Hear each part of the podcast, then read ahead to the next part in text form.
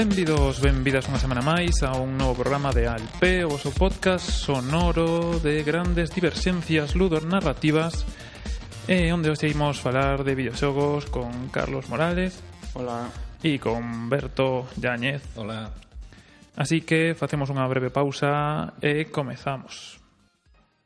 Hola, my friends! I hope you are all well. In Vice City, we live in a cultural desert, a dirty, stinking mess of a place where all of the music is made up by machines, and people think you can tell how good a musician is by how much makeup he wears. It is the way of the United States. That is why we call our station Radio Espantoso.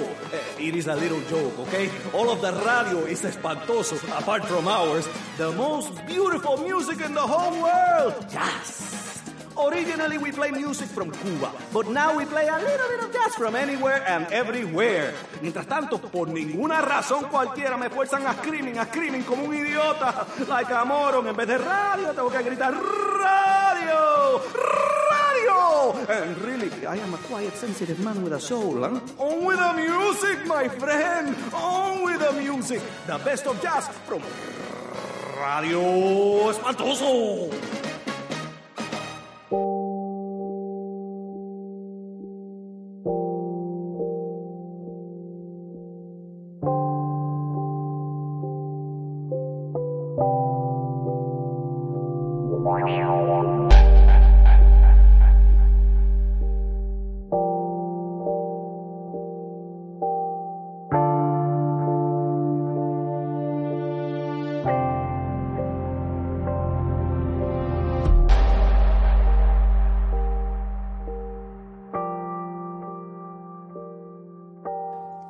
Xa estamos de volta e, como os decía, hoxe temos a Carlos Morales e a Alberto Yáñez e imos falar un pouco de videoxogos dende unha perspectiva un pouco máis cercana a todo o mundo, intentando explicar esos termos complicados ou menos entendibles, como son MMO, FPS, RPG e similares, que, bueno, noutros mundos como o cine ou a televisión sí que se entenden, como a comedia, terror, etc., e que nos videoxogos quedan un pouco máis de lado. Así que, se si vos parece, e por romper un pouco o xeo, podemos falar de, dos xogos os que está xogando agora mesmo. Berto, máis ou menos, sabemos que tipo de xogos lle gustan, así que, si queres. Ben, eh, eu son, son un xogador de World of Warcraft desde hai nove anos, desde a, antes de que salira Burning Crusade, Polo tanto, o meu xogo de base sempre é Es wow. un hipster de... del WoW. Del WoW. Sí, antes de que fora mainstream. Bueno, xa, xa naceu sendo mainstream, pero pero xogo desde, desde hai moito tempo. Eh, emocionoume desde o primeiro momento, eh, xa era xogador de Warcraft antes, polo tanto, o Warcraft, o Warcraft, o WoW, para non liarme ca palabra. Eh, é un xogo de base que levo xogando desde, desde todo este tempo e sempre estou xogando a ese en maior ou menor medida. Agora o WoW está nun punto de, de sin contido, de, un punto nunha zona morta de contidos, esperando pola seguinte expansión, pero sempre hai cousas que facer. E sobre os xogos que estou xogando, estou facendo dúas dúas eh, eh, rexoga, estou rexogando dous xogos que xoguei os últimos anos e que me gustaron bastante, un son dous clásicos. Un é o Skyrim, que estou xogando por cuarta vez, eh, vou pola mitad, agora con outro tipo de personaxe. Estou xogando, rexogando tamén o Pillars of Eternity, que xoguei aí a principios do ano pasado, bueno, mediados do ano pasado, cando salira. E agora estou a facendo outra vez todo, todo o xogo. Estou pasando realmente ben con, tan, con estas dous xogos que no seu momento me gustaron e, e siguen me entusiasmando. Como, para que a xente nos entenda, como que tipo de xogos ou que categoría lle asignarías a cada un de, destos de xogos? Ben, os todos son xogos de rol, o sea, diferentes tipos, o, o WoW é un MMORPG, eh, MMORPG que é un xogo de rol online masivo xogado un montón de, de xogadores. Esa é a, a gran diferencia xogase nun como dicía na publicidade o, o WoW non é un xogo, é un mundo. E realmente aí estás xogando con un montón de xente na que te na coa que te podes aliar para facer determinadas cousas dentro do xogo, podes xogar pola túa conta, pero estás xogando sempre nun entorno con moitos xogadores. Por outra banda, eh, o Skyrim é outro tipo de RPG, xa vedes que tipo de xogos me gustan, que é un RPG de, de open world, donde tes un mundo inmenso para explorar, facer misións, sin un orden determinado, eh, pero sempre o xogas eh, solo, non xogas con outras persoas. E o Pillars of Eternity é outro tipo de, de RPG, máis estilo aventura, donde máis estilos clásicos, estilo Baldur Gate, eh, Neverwinter Nights, de, o clásico de Obsidian, con co Infinite Engine, donde xogas tamén eh, solo, pero creas tes unha serie de personaxes que ti controlas que van facendo un grupo que se xuntan para facer misións. Ao contrario que o WoW, todos os personaxes están contra, controlados por ti.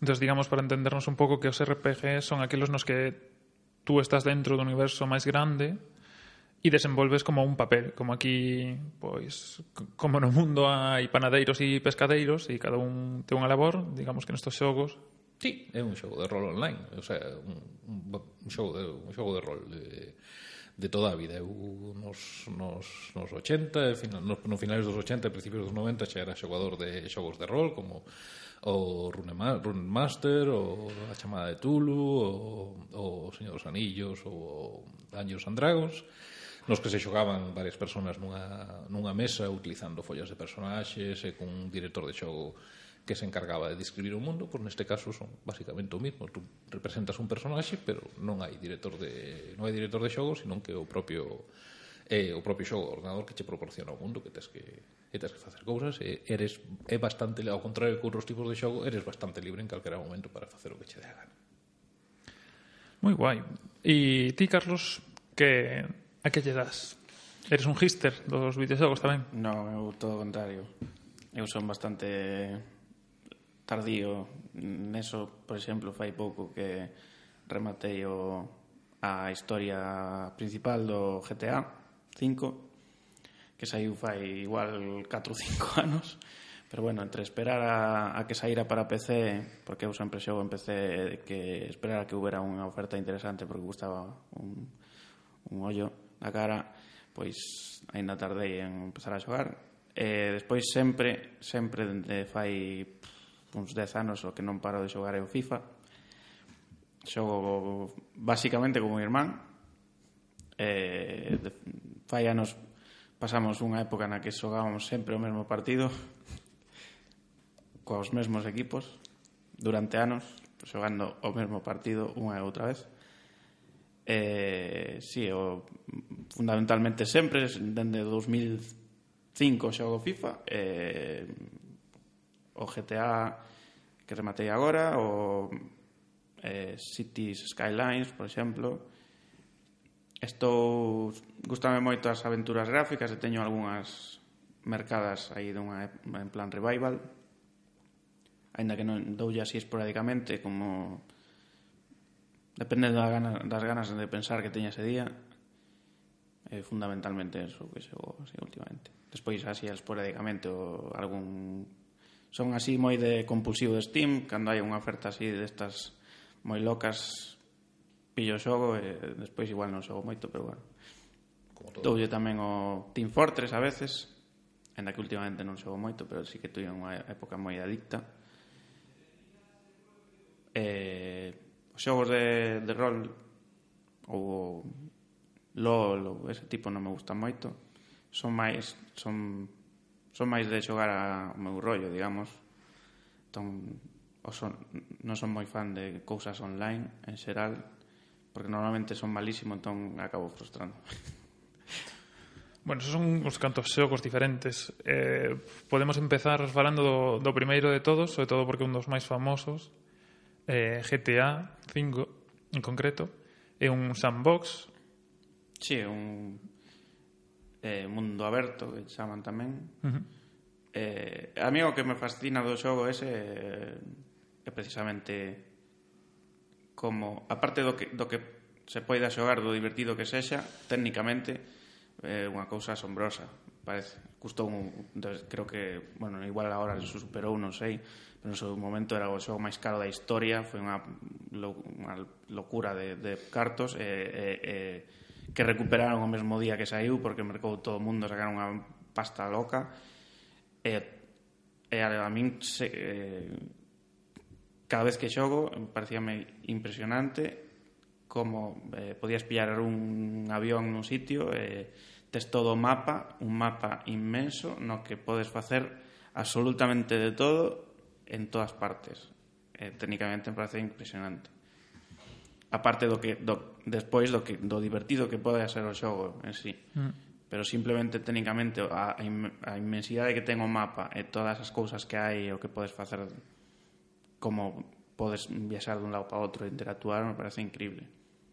Cal, porque claro, para que nos esté escoitando, parece que son moi similares os xogos que, que propón Berto e, e o GTA que propostí no sentido de que ambos eh, onde sen de ser un mundo aberto onde podes facer prácticamente o que queiras pero sin embargo un eh, é sandbox e outro é RPG como, como lle explicarías vos a alguén a diferencia ne, entre esos dous tipos de xogos Bueno, creo que a principal diferencia é que non están tan centrados no, na evolución do personaxe, non? Un xogo de rol algo que que é prácticamente constante é que tú colles un personaxe con pouca experiencia e vas subindo o que lle chaman niveles, niveles virtuales. eh, ao, esos niveles fan que determinadas características que definen o, as túas capacidades no xogo, como a túa forza, resistencia, intelecto, outros tipos de habilidades clásicas, vayan aumentando e con, elos, con esos vai a conseguir unha serie de talentos extras no sandbox eh, eso non está tan presente simplemente tes un personaxe que, que vive unha historia pero a evolución do personaxe non está patente, non forma parte do núcleo do xogo. Sí, sería un, unha, boa, unha boa explicación. Claro, ese, no, no GTA, por exemplo, es, eses niveis os hai, pero son residuais, no fondo tampouco hai xogos puros prácticamente todos teñen detalles de outras cousas, pero nos é máis importante unha unha parte ou noutra. No GTA é, é moi de disparar no fondo, aínda que teña esa esa posibilidad de facer de evolucionar o personaxe moi mínimamente, o que importa é roubar coches, disparar e facer o gamberro, basicamente. Eso dá lugar un pouco tamén, ahora que falas do disparar, eh, eu creo que un dos, dos modelos ou dos xéneros de xogo que máis máis distribuído ou que a xente máis coñece son os, os FPS, justamente, os first person shooter. Por que credes que que este tipo de xogo e non os RPG ou outro tipo son os que máis facilmente se están expandindo, sobre todo pois co Call of Duty e con outros xogos, incluso Team Fortress que me mencionaches antes, tamén un pouco dese dese estilo. Que pensades que fai que estos teñan sexan máis coñecidos respecto a outros? Pois pues non sei, pode no fondo é bastante simple o mecanismo, porque apuntar e disparar. Despois poden ter moita máis habilidade, pero o mecanismo básico xogando cun rato e cunha man faz todo prácticamente. Creo que igual é xa, eh, o é, é fácil de empezar a xogar. O Team Fortress, por exemplo, non hai que pensar moito, non hai Mm, como eso, wow, hai unha historia de orcos e razas e maxia, non sei que, non. Vas a correr e a disparar e matar e xa está. Claro, un xeral requieren menos dedicación. ¿no? O sea, un xogo un xogo desos é como a comida rápida, sin, o sea, sin quitarlle ningún mérito porque porque porque é moi difícil facer comida rápida que este moi ben esos xogos que estás dicindo están moi ben, pero os, os FPS eh, é fácil poste, non require moita atención na tua vida, eh, está che dando recompensas constantemente, moi fáciles, non tens que, non tens que dedicarlle tempo nin dedicar unha pequena estrategia, ainda que eso tampouco é tan tristemente tampouco foi tampouco é tan habitual nos RPGs da hora entón eu creo que para moita xente eso é atractivo colles, sentaste e empezas empeza a acción rapidamente. Non tes que pasar por varias escenas de diálogo varias investigacións eh, esa típica dinámica dos RPGs antes de conseguir un conseguir chegar á acción ou conseguir chegar a un momento interesante. Quizás está tamén a razón de, eh, de, do aflorecemento dos, dos nenos rata, como se chama, eh, neste tipo de xogos, sobre todo, pues, quizá por ese feito de que é máis fácil xogar un par de partidas e, e deixalo e, e xa está. Decíamos ao principio un pouco que, bueno, vimos ao principio un pouco que a Berto, sobre todo os xogos que máis lle gustan son os MMO e RPG. Uh -huh. Con que con que xogos, con que xénero quedarías tú, Carlos? Eh, é difícil de, de, de responder. Teño xogos que, que xéneros que son moi, moi, moi de corazón, que teño moito cariño, aínda que última non teña tanta adición Non sei se me explico. Por exemplo, as aventuras gráficas teño moitísimo cariño co xénero, pero, por exemplo, últimamente xogo é máis cariño que a adición que teño.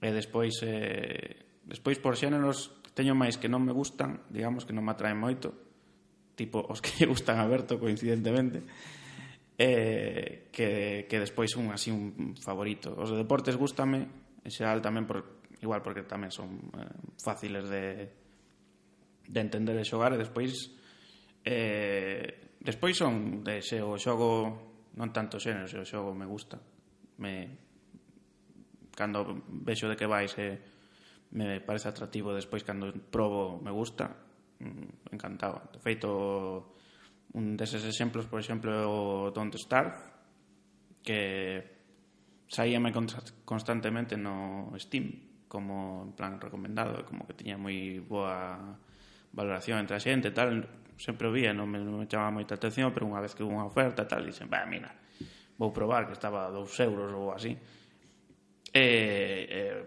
un vicio un vicio increíble, vamos. Eh, non polo, polo xénero, por, polos vídeos e por tal, parecía en plan eh, así simpático e tal, pero non me chamaba moi, moito a atención, pero cando xoguei sí que foi moi moi adicto. É un xogo moi moi adictivo. Está moi ben ese xogo. De que vai? Don, don Star? Eh, é eh, un xogo de o nome o di que non, non morras de fame, é o que di o, o xogo, o nome. Eh, é un xogo de supervivencia, son uns macaquiños así, a estética é bastante simpática, é así rollo eh, Tim Burton, digamos, así de cómic gótico raro. Eh, tes un macaquiño que aparece nun mundo así moi misterioso, moi gótico, e que tes conseguir que non morra. Eh, eh, eu a primeira vez que xoguei non durei nin un día. De, un día do xogo dura cinco minutos, creo que son, ou por aí. Eh, chegou a noite e morrín, porque eh, no xogo cando é de noite eh, volvese todo oscuro e se non tes unha fonte de luz atácate un monstro e morres e, e foi en plan, tal xogando, va, si, sí, va, mira que bien, tal, chegar a noite e morrer, en plan, que pasó, que pasó E, e o xogo é así constantemente, a non ser que utilices unha wiki ou por aí que descubrín lixeiramente tarde. O ah, o xogo e a parte que ten de adición eh, é eso, que empezas a xogar e ves cousas, hai un montón de cousas tiradas no chan, coas que podes interactuar eh, o mecanismo consiste en que as recolles ou interactúas con elas e hai dos, dúas opcións que sexan guais ou que morras por interactuar con elas porque non saibas interactuar con elas nese momento, por, en plan, xa morrín varias veces por, por intentar atacar unha, unha manada de pingüinos, eh, ah, son pingüinos que me vai pasar, pois non, son, son super chungos, volvese aí moi agresivos e empezan a atacarte. Eh, ten un montón de detalles de cousas que pensas que non sirven para nada, pero despois combinas, eh, recolles isto con xuntas isto con isto e eh, obtés unha cousa super guai, eh, eh adición eso, que hai un montonazo de cousas que, que, que empezas a combinar e nunca paras e, e unha vez que morres o xogo nunca podes salvalo non se pode guardar entón ti vas podes guardar de paralo pero nunca podes recuperar. Entón cando morres morriches e eh, adiós, tens que volver a empezar. Entón é eh, en plan no, no eh, comentei cun, comentara algún amigo que ten que, que o proceso que pasamos todos que xogamos é que eh, xogas, estás aí aí on fire, estás aí sobrevivindo, buah, lo loco, tes todo controladísimo, morres por unha estupidez tipo atacar un pingüino, tes que volver a empezar e dices, buah, este xogo é unha merda, non, non volvo a xogar nunca máis, non quero, eh, pasas unha semana sen xogar e despois volves a xogar e estás superadicto outra vez. Dentro de que, de que categoría meterías este, este tipo de xogo? Hay rollo supervivencia. Eh, sí, fundamentalmente supervivencia. Mundo aberto. Sí, máis ou menos. Sí, ten aí ten dous modos tamén que conste. O amigo que máis porque eh, pode xogar en, en modo eh, mundo aberto, digamos, que ti simplemente sobrevive ese punto E despois ten un que lle chaman en eles internamente modo historia, creo que, creo recordar, que, que entras por unhas, unha especie de pasadizos que hai, entón eh, tes un obxectivo aparte de sobrevivir. Tes que baixar niveles e cando chegas a un o último nivel eh, acaba o xogo. E non digo como acaba, porque sería un pouco spoiler. E ti, Berto, algún xogo que, co que te pasara isto? que de primeiras fose un pouco reacio a empezar? Pois eh, recórdame bastante o que di o que di Carlos a un xogo indie que saliu aí uns hai un par de anos que chamaba Papers, Please. Eh, que a premisa era moi era moi básica. Tú eres un controlador de aduanas eh, e tiñas estabas no teu posto de bueno, de aduanas ou de, de entrada de inmigrantes a un, a un país. e e tiñas que estar no teu posto e tiñas que recibías os eh, os pasaportes da xente, os papeles da xente e teñas que detectar si realmente podía pasar esa persona ou non. E a verdade é que empecéi dicindo esta premisa non me convence, pero todo o mundo dice que está que está ben. E poste, vamos, acabas meténdote na pel dun, dun guardia de aduanas, pero a mirar papeles que me metía medo a mí mesmo e pasei bastante tempo xogando ese xogo, sí. Ese xogo é un de, moi parecido de Carlos, no que tamén cando morres ou cando non consigues mm. que, que sobreviva a familia, tens que volver a empezar ou retrasarte uns días, non? Sí, Así. sí, o sea, era... Sí, sí, sí non, non, non había posibilidade de salvar. O sea, era parte da, era parte da gracia. Falas cando dices deste xogo dos, dos indies. Como dirías, para que nos entendan, estamos supoñendo un pouco que que nos escoita, pois, é unha primeira incursión ou que non non está familiarizado co mundo dos videoxogos, como, como diferenciarías indie de outro tipo de, de xogo? Ou como, como yo explicarías? Bueno, eso é, é moi fácil porque, vamos, a definir, está xa na propia definición. A, os xogos indies están feitos por unha compañía que non é das grandes, unha pequena compañía con pouca xente que se dedica a sacar o show unha compañía independente simplemente que non é Electronic Arts que non é que non é Bethesda que non é que non son as grandes. Aí entraría o Don't Staff por exemplo tamén, sí, sí, tamén. sí, sí es, lembro por eso. Eh, normalmente son xogos que intentan dar unha visión original saen dos clichés eh, por sexa por estética sexa por guión sexa por xogabilidade intenta marcar a diferencia. Eh, bueno, en xeral, eu creo que se pode entender xogos indies como música indie, películas indies, non, é prácticamente o mismo menos presuposto, menos xente. Cal, cal sería para vos a contraposición? É dicir, se si un indie está nun extremo, que estaría para vos no, no outro extremo? Eu creo que o FIFA, precisamente. Eu creo que Electronic Arts sería un bo exemplo. Sí. E como, como considerarías eso? É dicir, se si vas a unha tenda e pindes un indie, vanche dar algo dun, dun equipo de desarrollo menos coñecido ou con menos acceso a, a ferramentas. Que te derías que pedir para, para que che desen algo de, de Electronic Arts? O do cartel grande de o do cartel gigantesco en lona que teñen na porta da tenda. Sí, sería, sería unha definición así a nivel de son os máis coñecidos os que máis pasta gastan en no propio xogo, en marketing, en, eh, os, os indies en xeral teñen que competir como non poden eh, por exemplo Don Starve eh, para o que non coñeza o xogo ten uns gráficos eh, moi sinxelos por exemplo. Non, en xeral nos indies pois non, non bases eh, non podes esperar uns gráficos tremendos que deixen coa digamos, paralelismo co cine uns efectos especiais brutais, porque o que o que venden o seu punto forte é outro que teñen que intentar competir a base de que sexa máis original, por así decirlo, máis eh, mm, máis divertido, máis eh, fresco. Pues, fresco, creo que atrevido, palabra, sí, fresco. Mm. Aí entrarían eh, outros xogos os que eh, ás veces xogo máis eh, atrevidos precisamente a palabra como Goat Simulator ou eh, o I Am, I am Bread eh, outros así que ese son directamente a súa o seu argumento forte que son eh, non teña sentido prácticamente que é unha locura de, de show eh, o Goat Simulator por exemplo tamén pasoume así que vin eh, cando, cando vin que existía dixen, madre mía, madre mía, meu xogo pero despois regaláronme o xogo e eh, proveino e mm, é máis divertido que parece nun primeiro momento. Parece eh, digamos que podría considerarse como un GTA en versión eh, versión ida de olla. Eh, un mundo semiaberto no que podes facer calquera cabrada por aí. Pillas a cabra e destruyes todo o que pillas polo teu paso.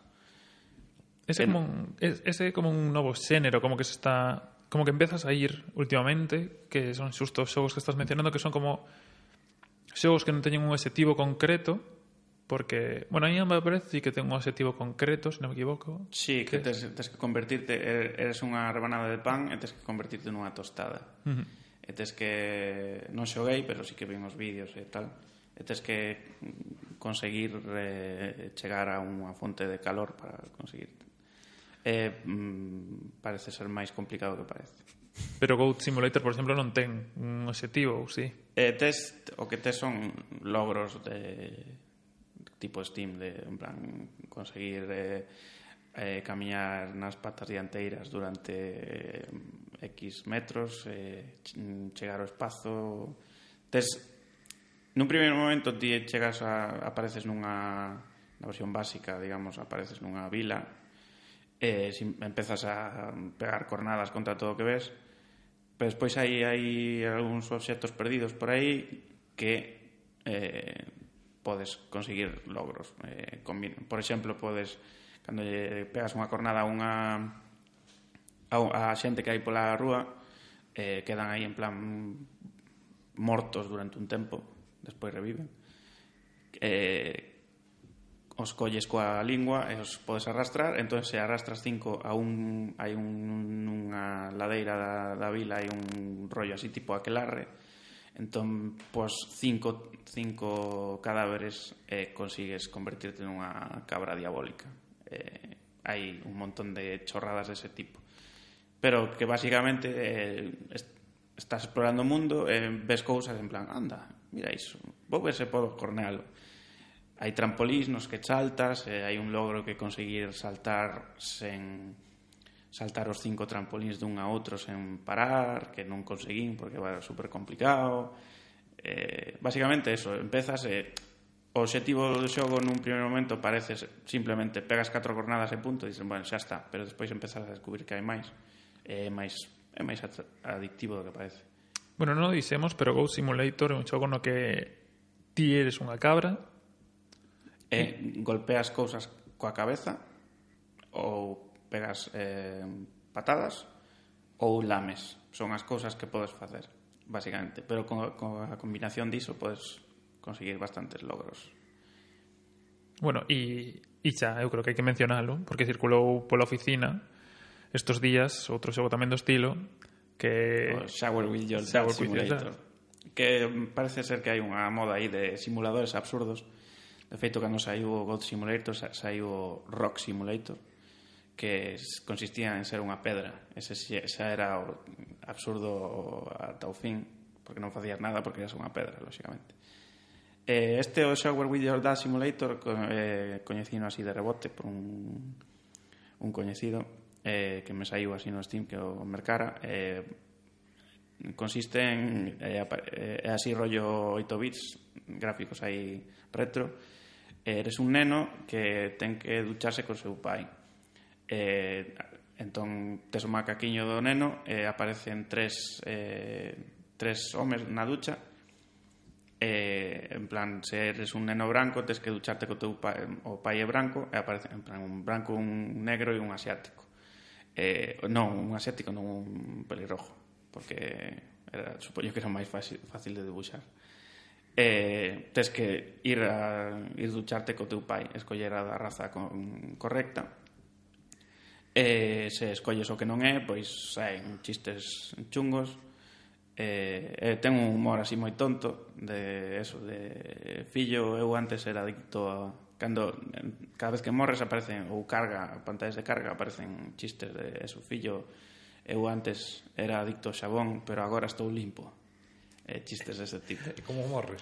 Eh, bueno, morres por, é eh, un, eh, vai por tempo, tes un en plan 60 segundos ou o que sexa entón cando vai baixando o contador e se vas acertando, pois vai vas gañando máis tempo. Pero non morres fallas, non? Claro, sí, fallas máis ben, sí aí xa non sei, sí, sí. Terminología de videoxogos. Sí, clásico. claro, claro.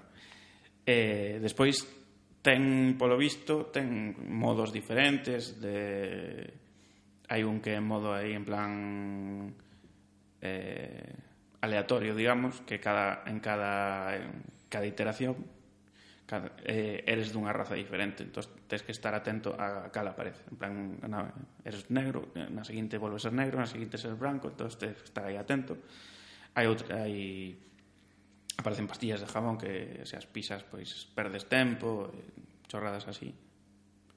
É un locura, rollo locura. Eso serían así xa os xogos máis máis extremos e absurdos.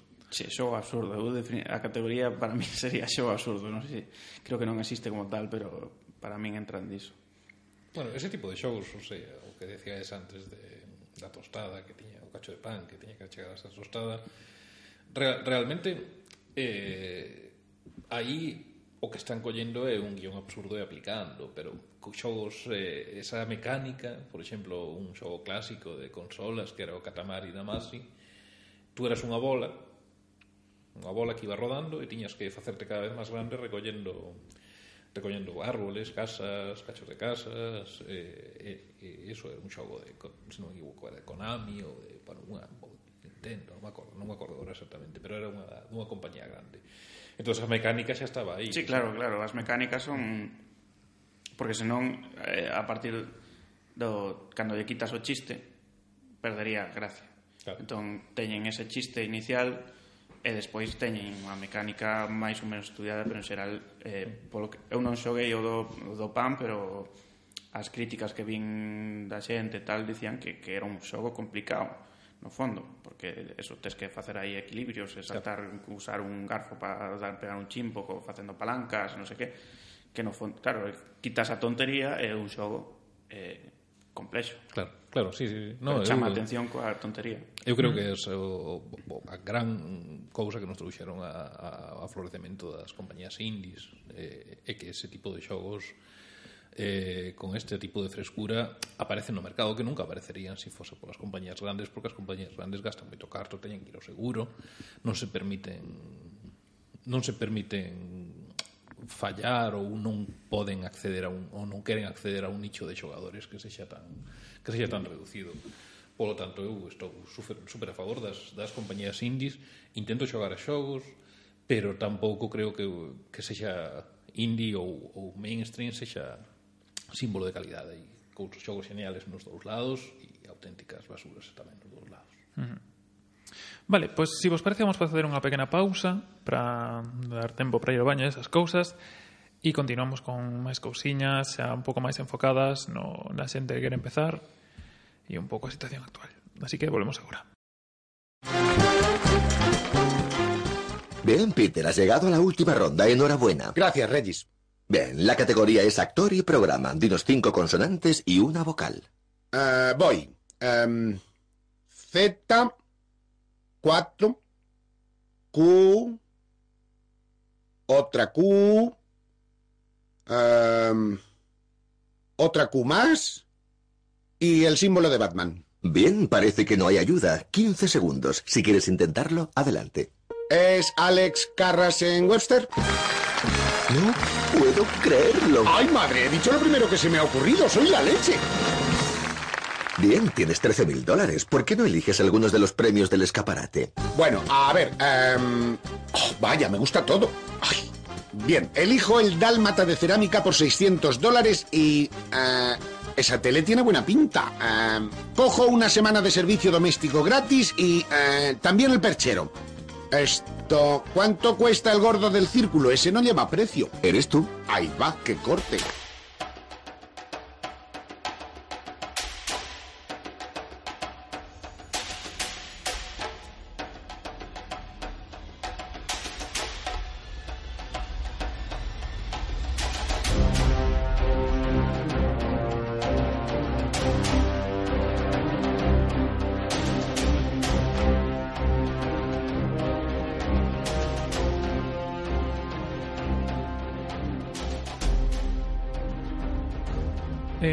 estamos de volta e para continuar voulles facer unha pregunta aos meus dous convidados de hoxe pregunta complicada que sería se hoxe chega alguén que nunca xogou a videoxogos e vos pregunta que, que videoxogo lle recomendades para empezar así, sin máis datos, sin saber preferencias nin gustos cal, cal serían as vosas recomendacións? Complicada, sí. Complicada. Certo. Bueno, eu, to, a xente o máis accesible a estas alturas é o caso do gaming dos, dos, dos teléfonos. Creo que é un bo, un bo inicio non? Todo ese tipo de xogos que hai para teléfonos para botar unha partida cando facemos claro, cando estás no baño. Eh, está ben como introducción eu creo que está ben ese tipo de Candy Crush puzzles e todo eso está moi ben. Eh, si non, tam, sin, avanzando un poquinho de eso, eu recomendaría calquera de Nintendo. Creo que é unha empresa que admiro moitísimo, que leva facendo xogos moito tempo, que sabe facer xogos que son para todas as idades, e que sabe facer xogos que teñen algo que te, que te engancha desde o primeiro momento e que, e que é unha maravillosa forma de entrar no mundo dos videoxogos. Si tuvera que decir un, pois calquera Mario ou Zelda ou algo así. Eu no en primeiro momento estaba pensando nos, como dixemos antes, que eran fáciles de iniciarse, pois os shooters ou rollo mainstream tipo FIFA ou algo así, porque son fáciles de xogar. Pero a verdade é que o que diverto está ben pola parte de, de Nintendo, polo de do amplio abanico, digamos. Eh, os xogos de matar non teñen por que xogar gustarlle a todo o mundo. Os xogos de deporte o mesmo.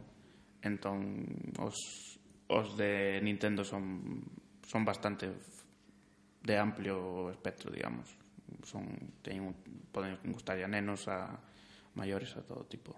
É curioso que digades eso porque os meus comezos no mundo dos videoxogos foron, bueno, nun primeiro momento cunha Game Boy e Pokémon e despois cunha Nintendo 64 e toda a saga Nintendo que se pode que se pode ter con Super Mario 64, con Mario Kart, con Mario Party, Ocarina of Time. Eh, parece que siguen sendo un pouco e, e polo menos a min pásame cando penso en algo con que xogar co, coa miña familia ou con xente que non xoga normalmente os videoxogos siguen sendo un pouco a referencia Por que, por que pensades que pasa isto? Porque digamos que o xénero pois siguen sendo carreiras ou sigue sendo o sandbox, pero sin embargo tiramos máis cara, cara a Nintendo. Eu creo que son terriblemente bons facendo videoxogos.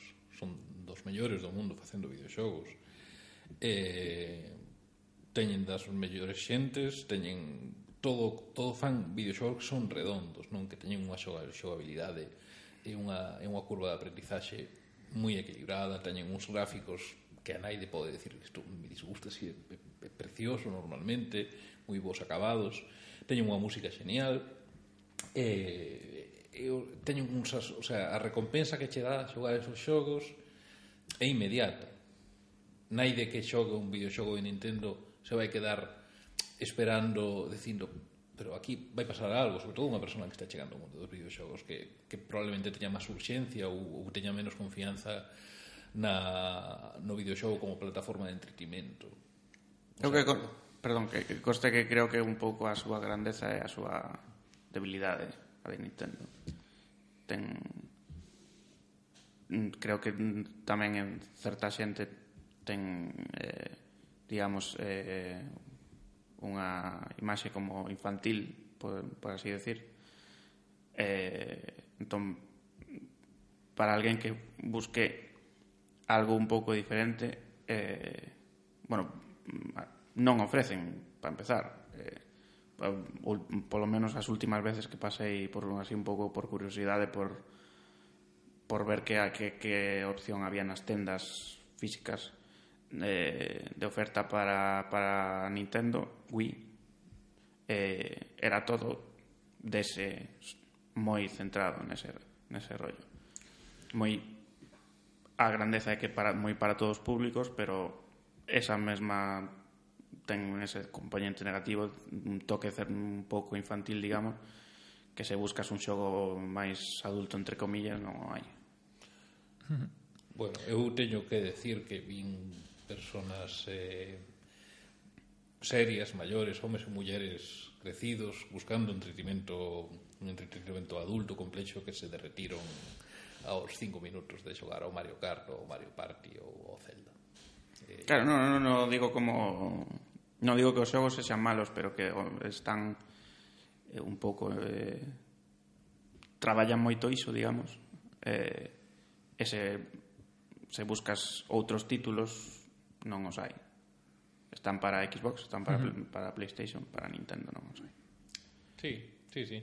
Non, eu creo que non, non é polo target, o sea, pola, polo target de xente, non? Sino é por, polo target de entretenimento, non? Por, por unha, teñen unha forma de ver o entretenimento que tanto lle vale a xente que tam, despois xoga a Playstation e se, claro, mata, claro. se mata aí a xogar ao GTA, esas cousas. O sea, simplemente sí, sí, sí, pode ser que hai determinada xente que, que Nintendo lle poda botar para atrás por eso pero nunca lle fan ascos a xogar o xogo o sea, pode que non, non te decidas a comprar unha Wii porque realmente te mola máis os, os, bitema, os xotemap matar, matar, matar e, e probablemente Wii non sexa a mellor opción para eso pero se si tuveras eh, as dúas opcións, e se puderas xogar as, as dúas opcións, eu creo que todo o mundo xogaría, o sea, Sí, sí, xogaría... igual eh, eu quería decir máis nese sentido, sí. que se se, se tes que escoller unha consola e se mercas unha Nintendo implica que só vas poder só vas xogar ese rollo. Sí. mm, prácticamente. Hai un par de títulos que sí que hai que xa, eh, que están un pouco separados diso pero basicamente o que hai son Mario e compañía. Entonces se buscas algunha vez xogar a outra cousa non vas poder. É unha cousa que que digamos que a mí eh, precisamente gustaría me, se tivese que comprar unha consola que non teño eh, mm, gustaríame poder facer as, as dúas cousas mm, precisamente sin dúbida, sin dúbida, sí. ese sería un pouco o, o de entrada. Que considerades que o que máis se xoga agora para xente que xa non é entrada? O sea, para xente que que xoga todos os días, aínda que non sexa, aínda que non se considere un xogador de videoxogos, que pensades que son os xéneros que, que hoxe en día alguén que queira decir quero xogar o que está xogando todo o mundo? Supoño que o LOL... Tristemente, o LOL. O sea, e, e, e dibuixo unha, son, e dibuixo unha sonrisa na miña cara. Eh, o LOL eh, é un dos xogos máis xogados agora, pero todo o mundo.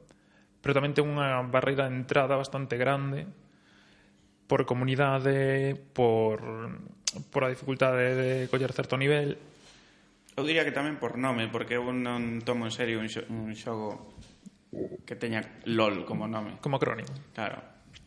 Como acrónimo, realmente, sí. Sí, o, o LOL, para que non este escoitando, eh, é o acrónimo de League of Legends, que é un xogo MOBA, que basicamente é un xogo onde un equipo de cinco xoga contra un equipo de cinco nun campo. É algo parecido a un partido de baloncesto ou de fútbol, só que con, con certa complicación maior, xa que bueno, é unha área con diferentes partes, diferentes puntos. Como LOL hai, hai máis xogos que tamén digamos que están en auxe. Hai un de Blizzard que se chama Heroes of the Storm, eh, hai Smite, que é outro xogo de diferente perspectiva, pero igual. E, e non sei se si algún máis así coñecido, bueno, Dota, Dota 2, E, e bueno, son xogos que partiron de, de Warcraft mm. que partiron dunha parte de Warcraft eh, da que saiu Dota e da que logo Riot, que é a empresa que que posúe o League of Legends, pois sacou a versión final. Uh -huh. É todo... curioso, eso sí. Que antes comentábamos os xogos indies, que tamén hai outra parte, non? Que xogos que son evolucións de outro xogo, non? Que determinada xente fai un, unha parametrización, un que lle chama un mapa, non? Propio, e esos mapas evolucionan en, en, en xogos. A mí ocurrenseme agora, por exemplo, Counter-Strike era un mod do Half-Life, uh -huh. o Dota era un mod do Warcraft 3, o DayZ era un mod do Arma, uh -huh. se non me equivoco, e que tamén é algo é algo interesante, non son xogos indies, non son xogos que xa están no núcleo da no núcleo da, da ficción, da, da ficción por ese, por ese xogo. Hai un xogos que, que, que lle mola tanto a xente que se dedican a facer as súas versións, esas versións compítense en éxitos comerciais. Pero, uh -huh. bueno, non quería interrumpir o de... Non, sí, é, é moi interesante. E, bueno, eu creo que cada vez se produce máis de, de xente que ten as ferramentas e colle algo que lle gusta e, e o mellora ou o modifica. Mm. Bueno, volvendo un pouco ao tema do, do LOL, eh, creo que dá pé a falar dun tema bastante interesante que tamén se está xeralizando agora e que moito, moita xente ve pero non entende que o tema dos, dos eSports, que é isto de transformar os videoxogos en, en deportes.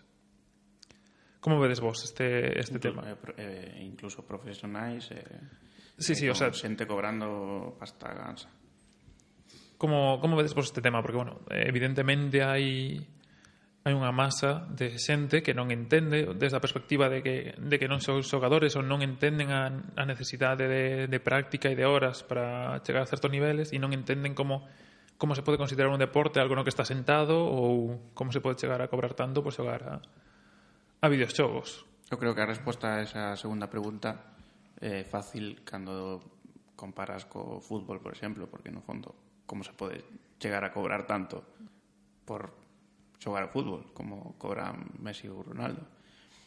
Se, se eles poden cobrar tanto por pegarlle patadas a un balón moi ben, pero pegarlle patadas a un balón eh, por ser moi bo xogando un videoxogo tamén podes cobrar cifras que non chegan para nada a tanto.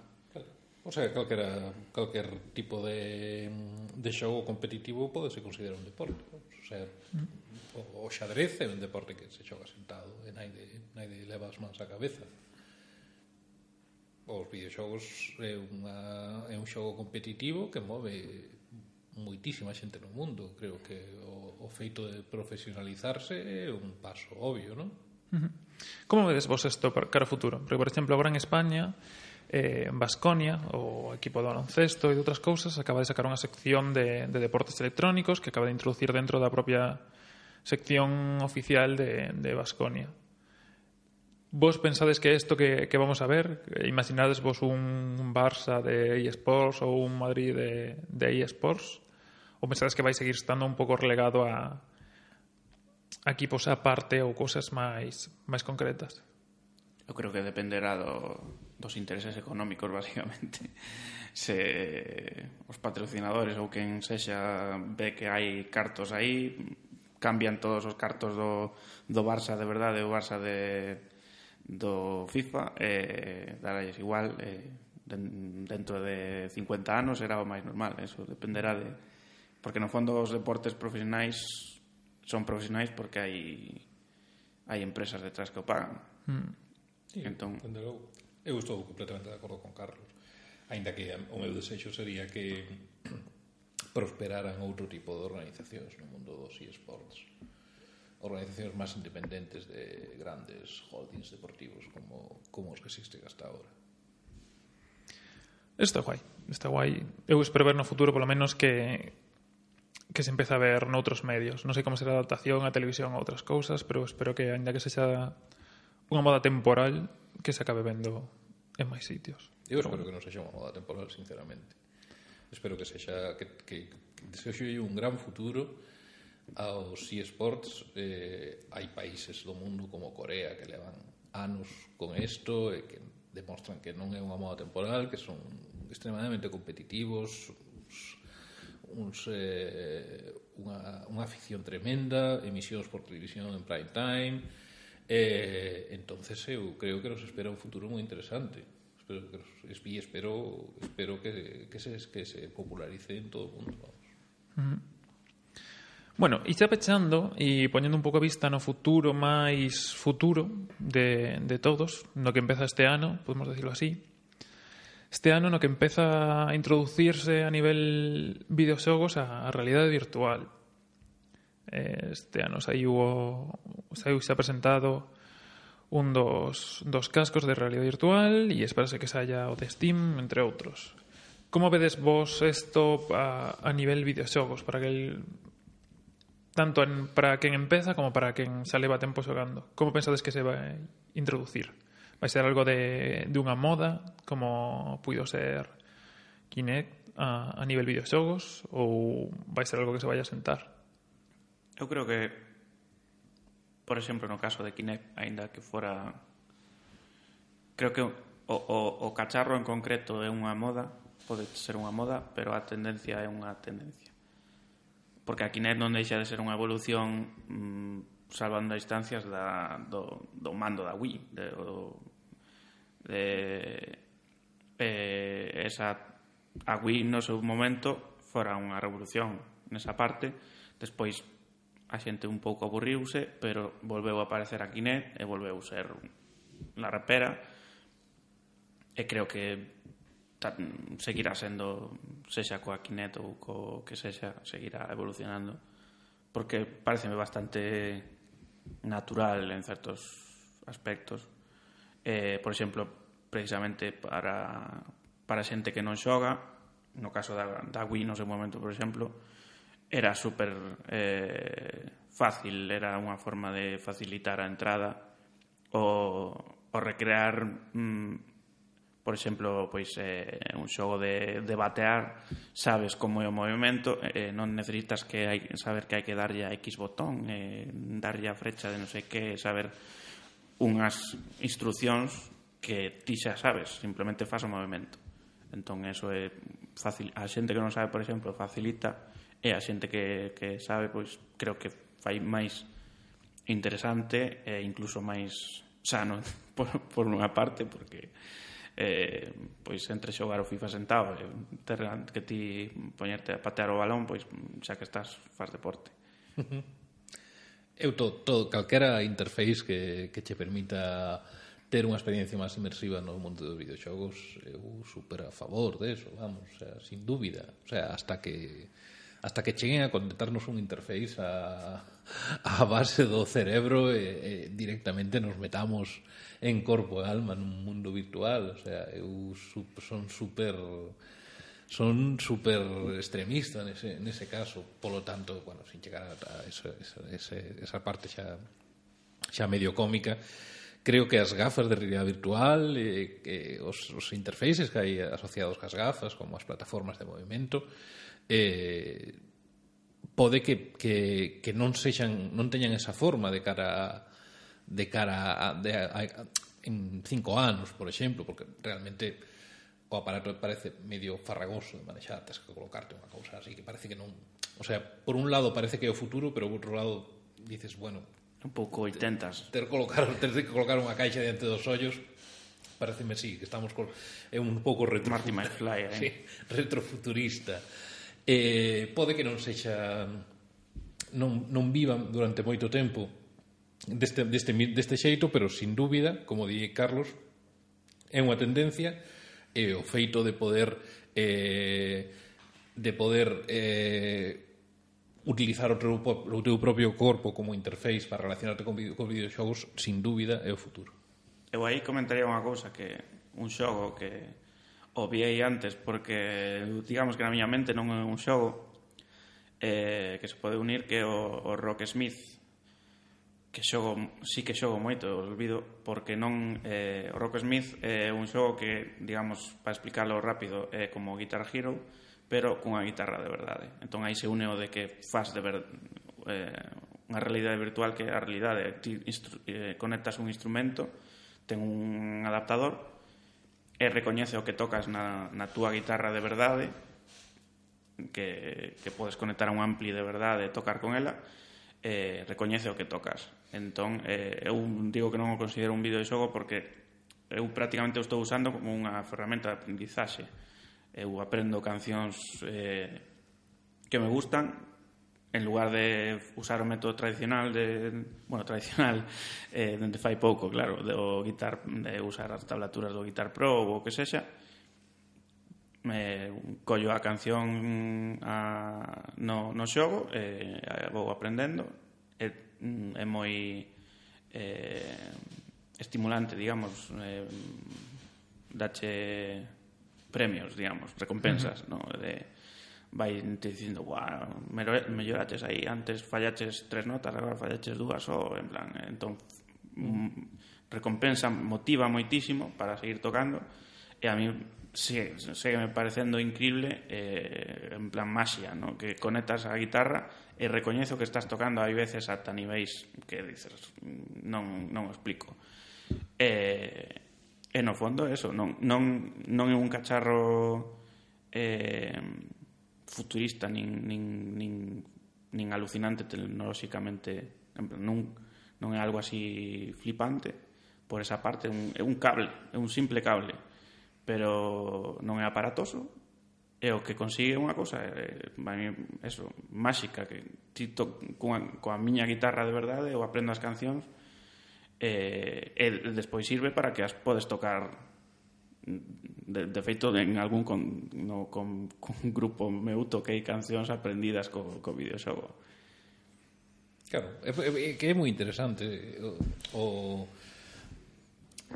que a liña que separa videoxogo e realidade ainda que obviamente sexa, sexa, sexan diferentes, cada vez de cara ao futuro vai se vai ser máis fina vai, se, van, vai haber partes da realidade que se meten no videoxogo e partes do videoxogo que se meten na realidade eso vai crear unha experiencia de usuario cada vez máis intensa obviamente non podemos perder de vista o que, o que é xogo, o que é realidade da mesma forma que non perdemos de vista cando estamos lendo un libro, cando estamos vendo unha película pero, pero todas esas capacidades que, que, que teñen os videoxogos de axudarte a facer determinadas cousas como por exemplo aprender como por exemplo eh, practicar ou, ou aprender a conducir ou calquera, calquera tipo de cousas ou relacionadas ca cultura non?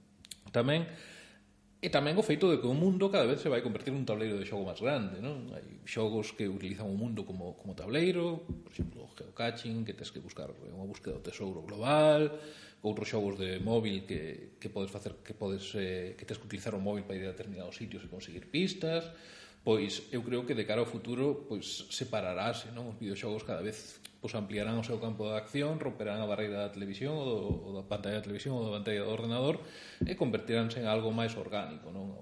A, a realidade e, e serán como un, como un interface que teremos disponibles sempre que queiramos para pues, ter un momento de relax, para ter un momento de, de, de entrenamento, para ter un momento de aprendizaxe, para, para calquera cousa. Temos que, o sea, te, o sea, obviamente de cara ao futuro trascenderán ao que son agora e convertiránse pois, nunha ferramenta que utilizaremos en moitas partes da, do noso día a día. Uh -huh.